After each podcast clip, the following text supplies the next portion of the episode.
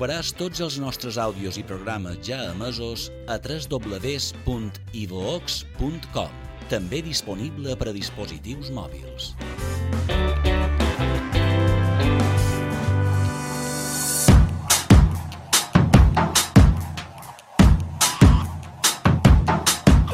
Benvinguts tots i totes a Fórmula Ona, l'espai musical d'Ona Mediterrània. Vos saludar amb una nova gravació des de Fórmula Ona, l'espai musical que des de fa prou temps s'ha instal·lat a Ona Mediterrània. I ho hem fet per formar part del vostre dia a dia i avui afegim més al·licients. Perquè el control tècnic de Marc Elmés i la conducció de qui vos parla, en Joan Ferrés, vos presenten les entrevistes als concursats d'Ona Musicat. Volen seguir coneguent els participants del concurs i per això vos explicant que avui conversarem amb Victoria Kingles, perquè la primera participant d'Ona Musicat li agrada escoltar Edith Piaf. Je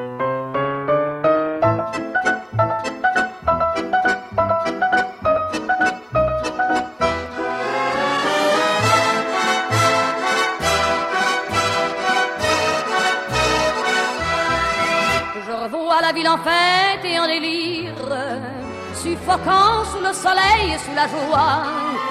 Et j'entends dans la musique les cris, les rires qui éclatent et rebondissent autour de moi. Et perdu parmi ces gens qui me bousculent, étourdi, désemparé, je reste là. Quand soudain je me retourne, il se recule, et la foule vient me jeter entre ses bras. Emportés par la foule qui nous traîne, nous entraîne, écrasés l'un contre l'autre, nous ne formons qu'un seul corps. Et le flot sans effort nous pousse enchaîner l'un et l'autre, et nous laisse tous deux épanouis, enivrés et heureux. Entraînés par la foule qui s'élance et qui danse une folle farandole, nos deux mains restent soudées. Et parfois soulevés, nos deux corps enlacés s'envolent et retombent tous deux épanouis, enivrés et heureux.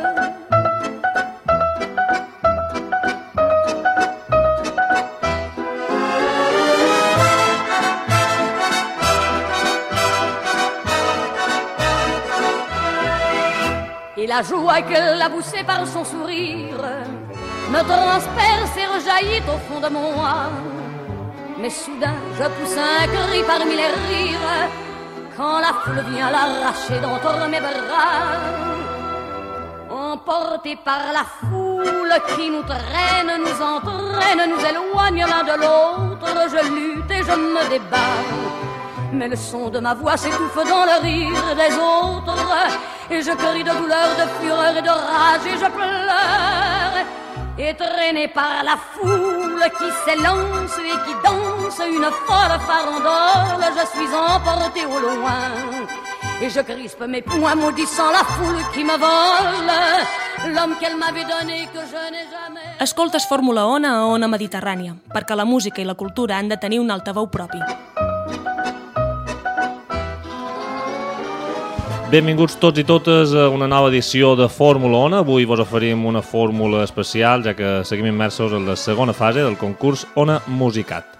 Ja sabeu que han cercat grups i solistes de les illes que cantin en català i avui vos volen presentar un dels participants, però ho farem d'una forma ben especial perquè avui a Fórmula Ona vos oferim una primera part d'entrevista. Volem entrevistar a tots els participants d'Ona Musicat i avui començam amb Victòria Kingles. Bones tardes, Victòria. Hola, buenas tardes.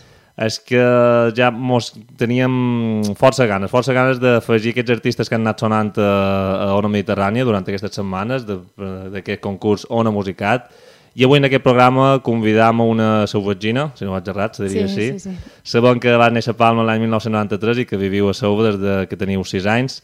Victòria Kingles, per què heu volgut participar en aquest Ona Musicat? Hombre, per donar a conèixer la meva música, perquè ara fa molt poc que he començat a compondre, abans feia versions, i me fa moltes ganes veure la gent que tal reacciona davant els temes, no? I bé, també que la música, clar, m'encanta i tot el que siguin concursos, tot això, pues, sempre m'ha agradat molt. Com vareu conèixer aquest Ona Musicat? Ho vàrem veure per, per diari, m'apareix, va ser. Sí, per diari, vam veure un article i mos va faltar temps per inscriure-me, va ser. El mateix dia ho vaig fer. Han de dir que la Victòria va ser la primera. De dir que la Victòria va ser Sí, sí. la primera que ens va oferir les seves cançons. I de, des de Fórmula 1 parlant de música, parlam de música en la Victòria Kingles, amb aquesta primera participant, i d'entrar li demanam, què és per tu, la música? Què suposa? Tot, supos. Més que tot, és, sóc jo. O sigui, quan, quan faig música i quan cantes, quan estic millor, és quan sóc més jo, no? Després, quan he de fer altres coses, és que no m'hi sent tan a gust, les coses ja no funcionen tan bé. Però sí, la música sempre me funciona en tot. Quan estic passant un mal moment, m'ajudarà, sempre. Entendríem una música com una, com una solució, no? Com una descàrrega d'aquells moments. Perquè vareu començar, quina edat teníeu quan vareu començar? O quan vareu, vos vau decidir a, a, que, que era el que volíeu fer, a cantar? Bueno, a partir dels 12 vaig començar anar a concursos d'aquests, però després, a partir dels 15, vaig decidir acompanyar-me jo mateixa amb el piano i fer una cosa una mica més sèria. I des de llavors he anat canviant d'estils, però des dels 15, ja tenc 22. I de parlar d'un certamen que vol promoure precisament la música, per la música en català, i també en aquests participants que, que hi formen part els hi volen, els hi volen demanar com veus la música en català a Mallorca? A nivell de, de circulació, a nivell de promoció, a nivell de poder-s'hi dedicar, en quin punt eh, ho veus? Um, poc. Jo crec que limitat, sobretot, uh, per poder-s'hi dedicar, perquè avui en dia la música en anglès o en castellà té molt més èxit que en català. I aquí, sobretot, si dones una proposta en català, és més difícil que te l'acceptin. Mm, No hauria de ser així, però és més difícil que si els hi dones en anglès, segurament. Per tant, trobaríeu també un, una diferència a nivell de música en castellà o en anglès a nivell també institucional? És a dir, creus que hi ha institucions o, o a vegades quan heu volgut fer segons quins concerts que per fet de fer-ho en català no vos han volgut eh, deixar actuar o no ha arribat tampoc en aquest punt? Mm, jo no crec que t'ho diguin explícitament, però que t'ho fan entendre, saps? Sí. Que a vegades la música en català no... Ah, bé, sí, molt bé, cantes en català, vale. i no fa res més, no... Mm, Sempre a demanen vegades- un- una mica sí, més. Sí, sí. I clar, en- entenem per tant que és difícil dedicar-se a, la música, sobretot si vols fer en català, però creus que si pot, te pot dedicar a la música, no només en termes eh, de llengua, sinó si creus en, en el que fas, creus que confies en que te podràs dedicar a la música? Jo crec que sí. Bé, m'ho han fet creure en això, perquè jo abans tampoc hi creia, però jo crec que si vols una cosa i lluites i lluites i lluites i tens molt clar que és això, mm, un lloc supos que sempre te'l pots fer. Dius, m'ho han fet creure, qui t'ho han fet creure? És a dir, has vist, és públic que... que, que Sí, és públic, a casa meva també, perquè jo vaig començar estudiant una carrera i no m'agradava gaire, bé, me quedo un any i no, no he acabat, però clar, jo la música sempre ho veia com un hobby, no? D'això de que no m'hi puc dedicar perquè o tens sort o no en tens i no ets bo, no? Sinó que... Però bueno, si t'ho vas creguent, jo al principi, per exemple, no feia composicions i tothom me deia, has de compondre, i jo dic, és que no en sé, és que no ho he fet mai ni en sabré mai.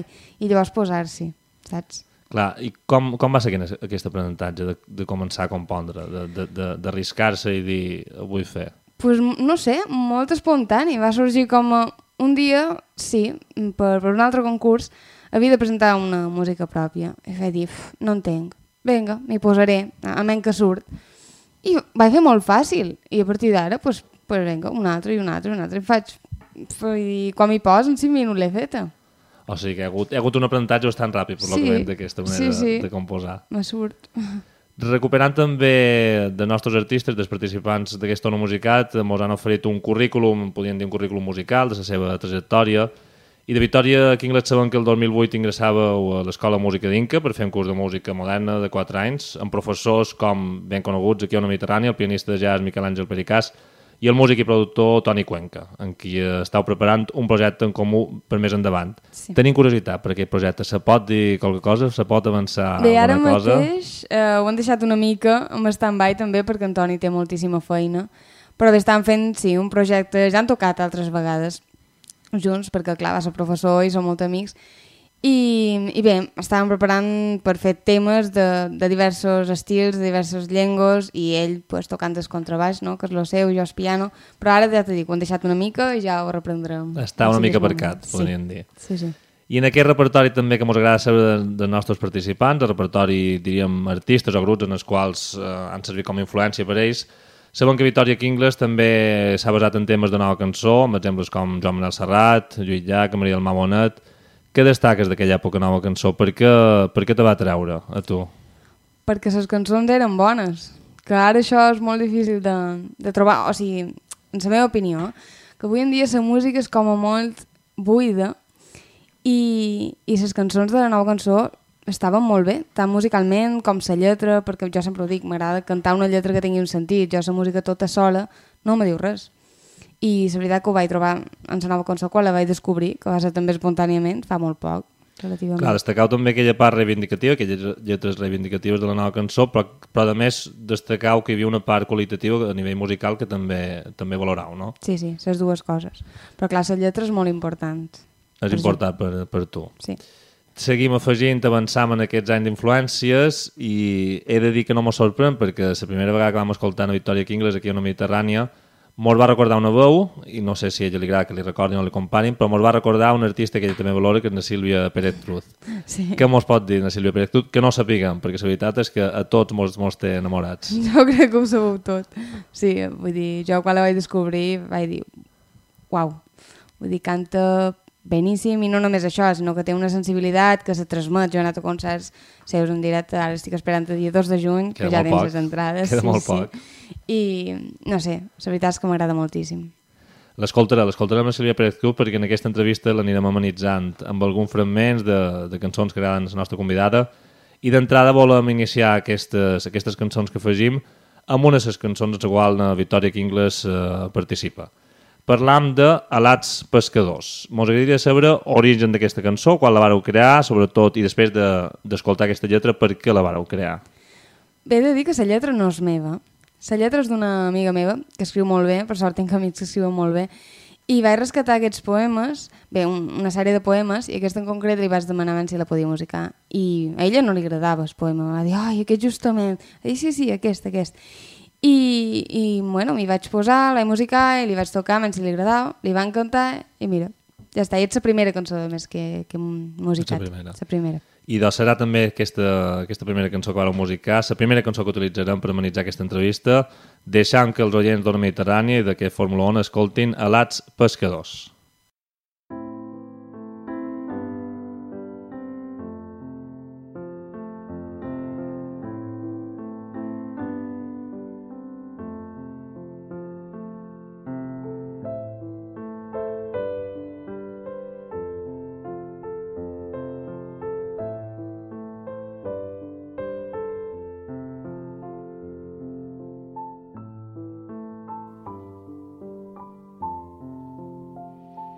Quan el vol de l'oronella comenci un poc més tard i fins la darrera fulla verda caigui al terra un 20 de maig. Potser l'arrel destruirà branques quan el cel sigui foscor, el sol una flor seca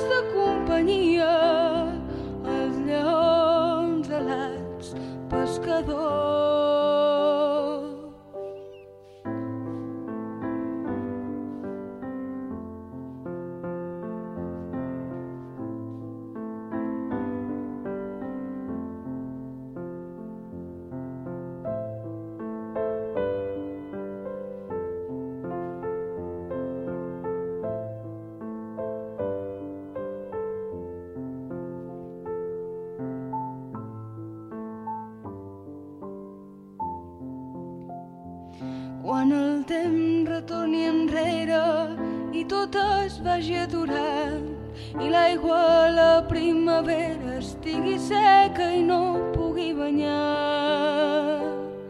Els vents de tramuntana giraran cap a mitjorn i sota terra enterrada veuré passar un color tot serà en blanc i negre sense color. Plorarem de l'alegria de mentides l'esplendor. La metamorfosi dels ulls, dels ciclops i els déus guerrers. La vida serà ja un mal comú, l'amor, una bandera aliena.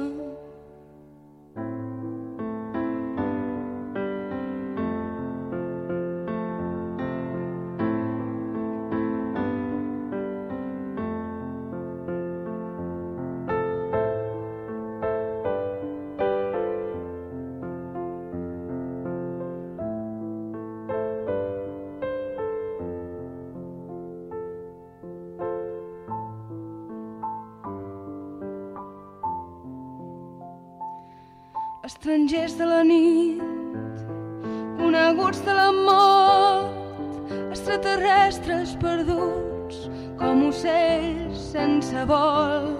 Estrangers de la nit, coneguts de la mort, extraterrestres perduts com ocells sense vol. Estrangers de la nit,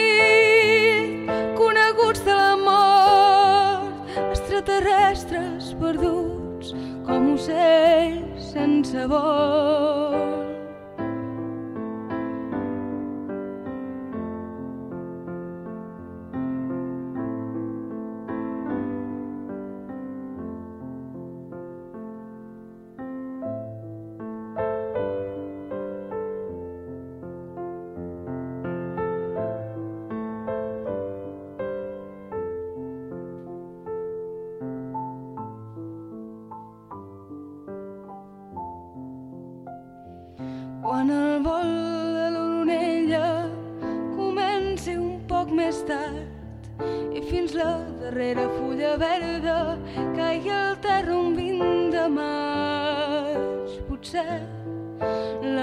destruirà branques.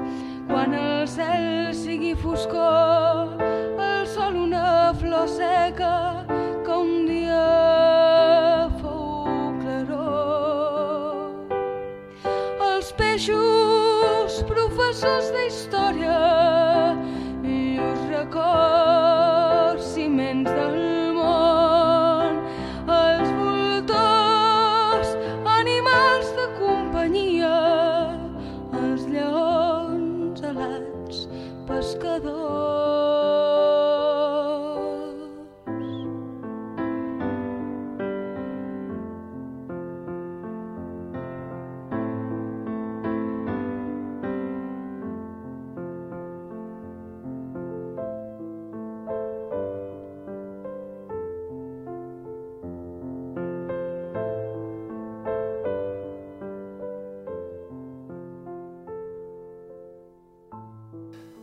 I doncs seguim escoltant eh, què ens aporta la nostra primera convidada, la primera participant d'aquest Ona Musicat. De fons encara són a Alats Pescadors, una de les cançons de la qual participa Victoria Kingles.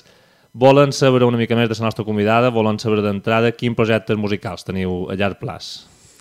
A llarg plaç? Mm, no ho sé. Ara per ara, compondre tot el que pugui, anar evolucionant, perquè clar, he començat, no sé el que pot sortir, mai esperava que sortís algo i ha sortit algo, lo millor, pues, el futur no puc dir el que faré, perquè tot el que dit que no faria ho he acabat fent, o sigui que, no ho sé, però m'agradaria això fer cançons pròpies, bones, llavors incorporar músics, m'agradaria poder gravar un disc i arribar a tenir un reconeixement. Un reconeixement que creus que vos agradaria traspassar la frontera, vos agradaria parlar de països catalans, parlar de... Sí, sí, sí. Bé, per què no? Que, que no hi ha cap artista que no li agradi Sí, claro. ampliar...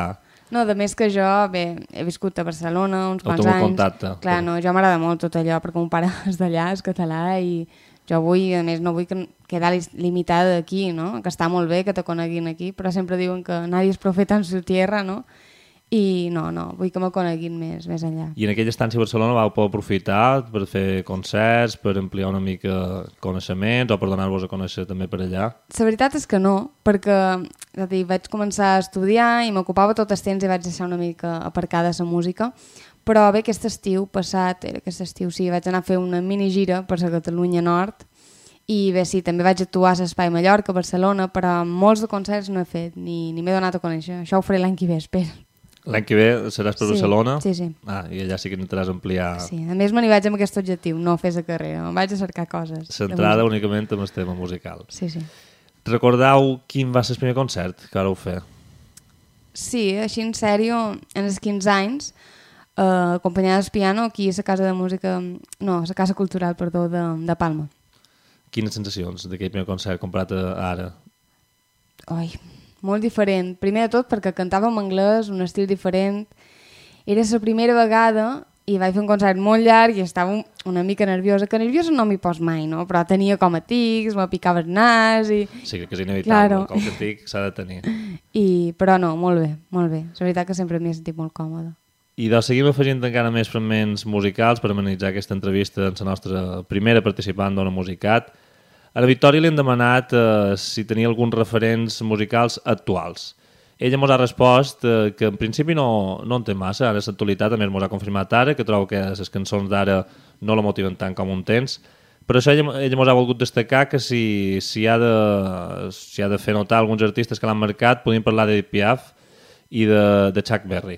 Hi ha un vot entre un i l'altre, però, Sí. però ens han marcat igualment, no? Bé, vull dir, he posat dos extrems, però m'agraden moltíssims altres artistes, però per dir-vos que això sempre són èpoques anteriors, la, la música que jo escolto, o Ella Fitzgerald, o Nina Simone, o Little Richard, aquestes coses. Per tant, eh, la Victòria seria, podríem dir que seria d'aquestes persones que sempre recorden els, els temps passats com un temps millors a nivell musical, Crec que sí. podríem crec que sí. entrar en aquest grup. Sí, No? crec que sí. I de recordant aquest temps musicals que per la Victòria podien ser millors, eh, volem afegir encara més músiques, escoltant, per exemple, un amic també d'aquesta casa de Fórmula 1, escoltant una mica de Chuck Berry.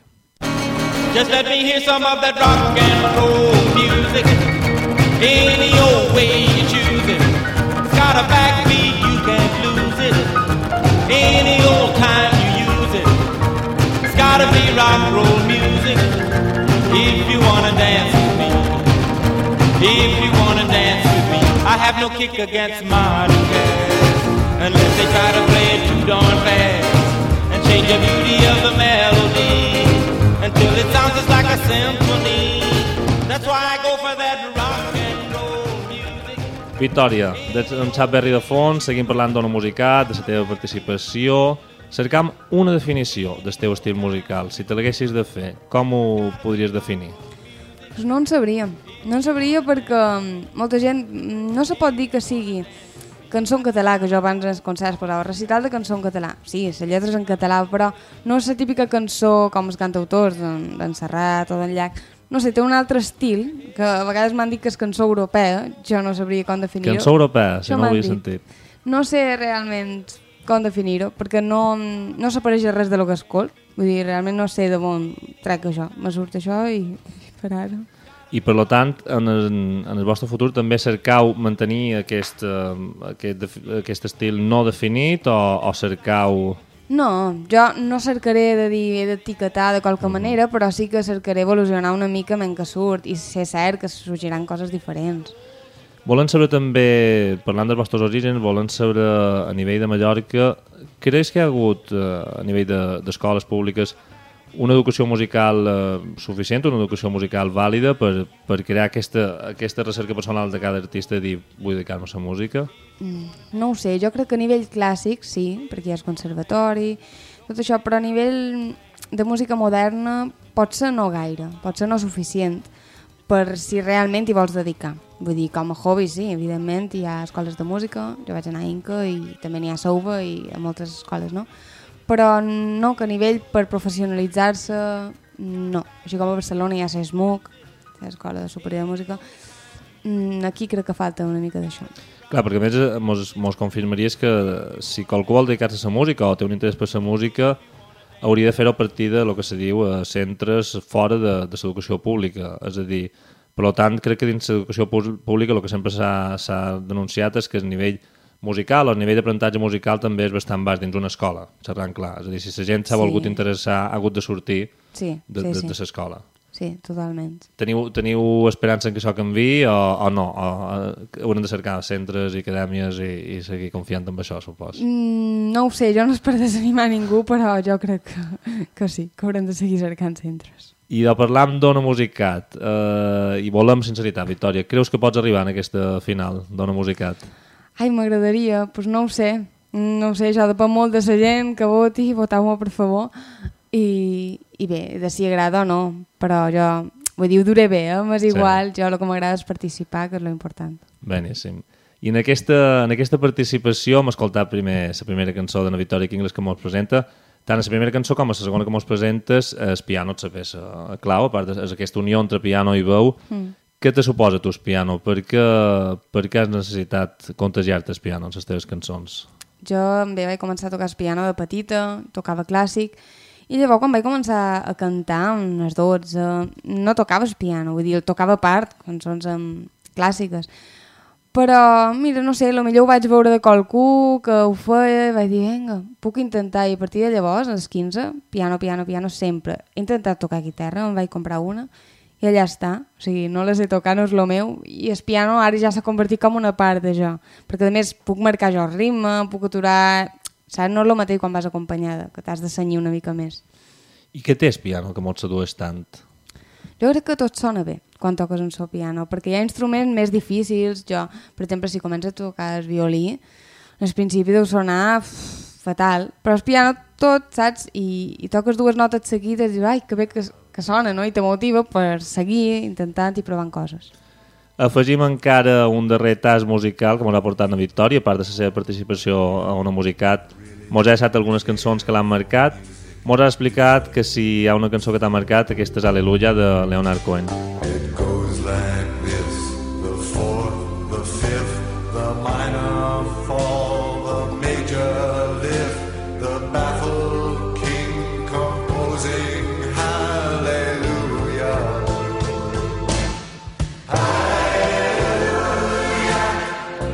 Cançó que s'han fet prou versions i que, i que se'n seguiran fent sempre, però per què aquesta tria? Perquè, I en quin moment va marcar Aleluia, Leonard Cohen? Mira, jo no coneixia aquesta cançó, no coneixia Leonard Cohen quan tenia... No sé quant d'any tenia. 14 o, o 15, no sé. I, mm, I qualcú me la va fer escoltar i jo al principi no vaig fer gaire cas.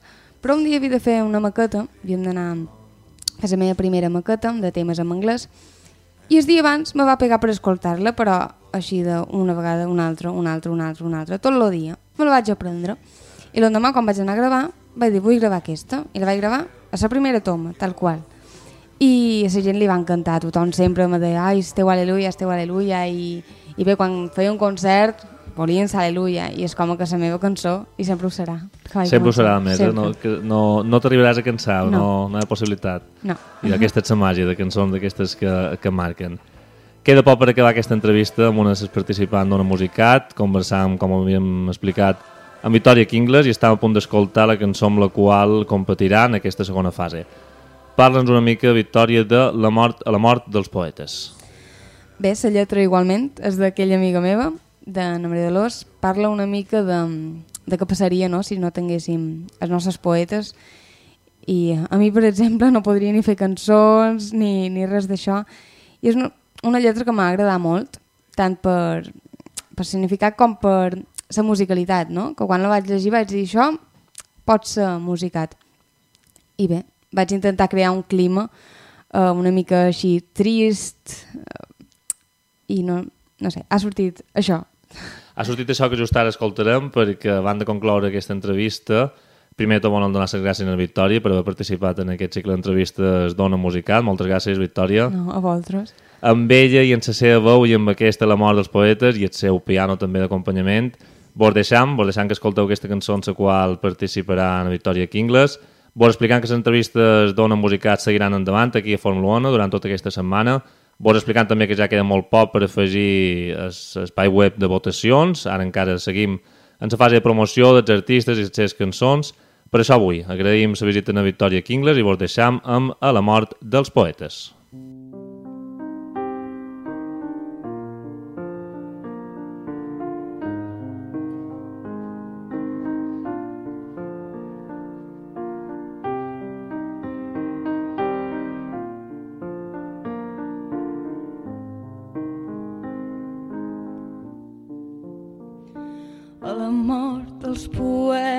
poetes enterrarem paraules i plorarem il·lusions. Rimaran els sospirs d'una llarga espera i acabaran els dubtes del maleït futur incert.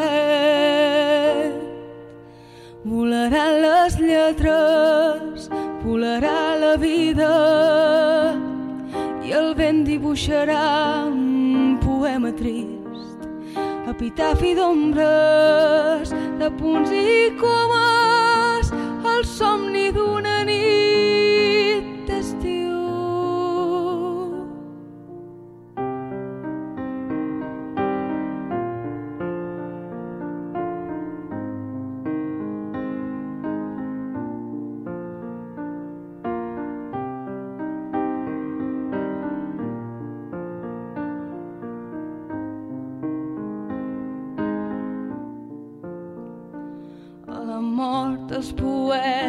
vestiré de negre, serà el dol per mostrar el dolor.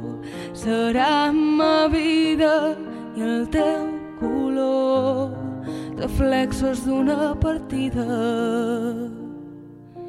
A l'infinit, a la foscor, al més enllà, el cel, tintat de tul.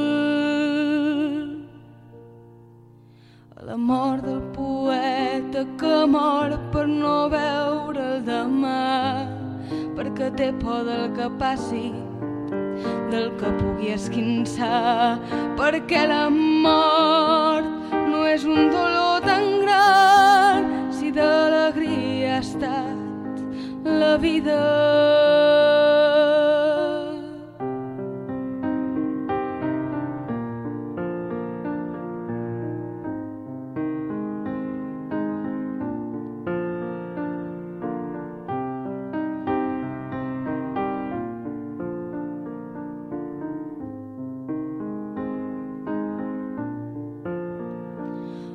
A la mort dels poetes recitaré un vers, serà breu, clar, intens, serà adeu i fins llavors serà un gràcies de tot cor. A la mort, a la mort, a la mort dels atens poetes.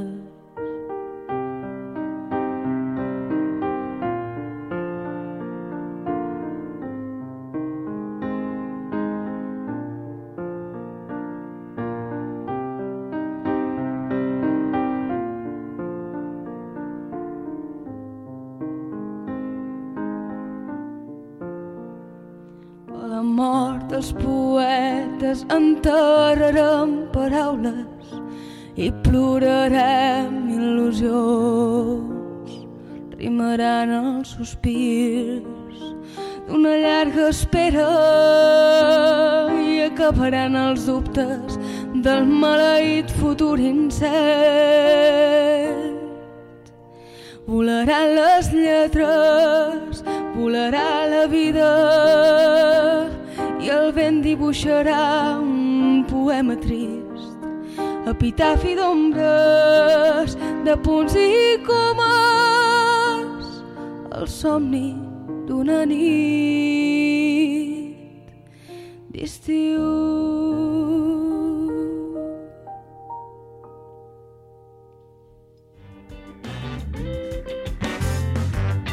Trobaràs tots els nostres àudios i programes ja emesos a www.ivox.com,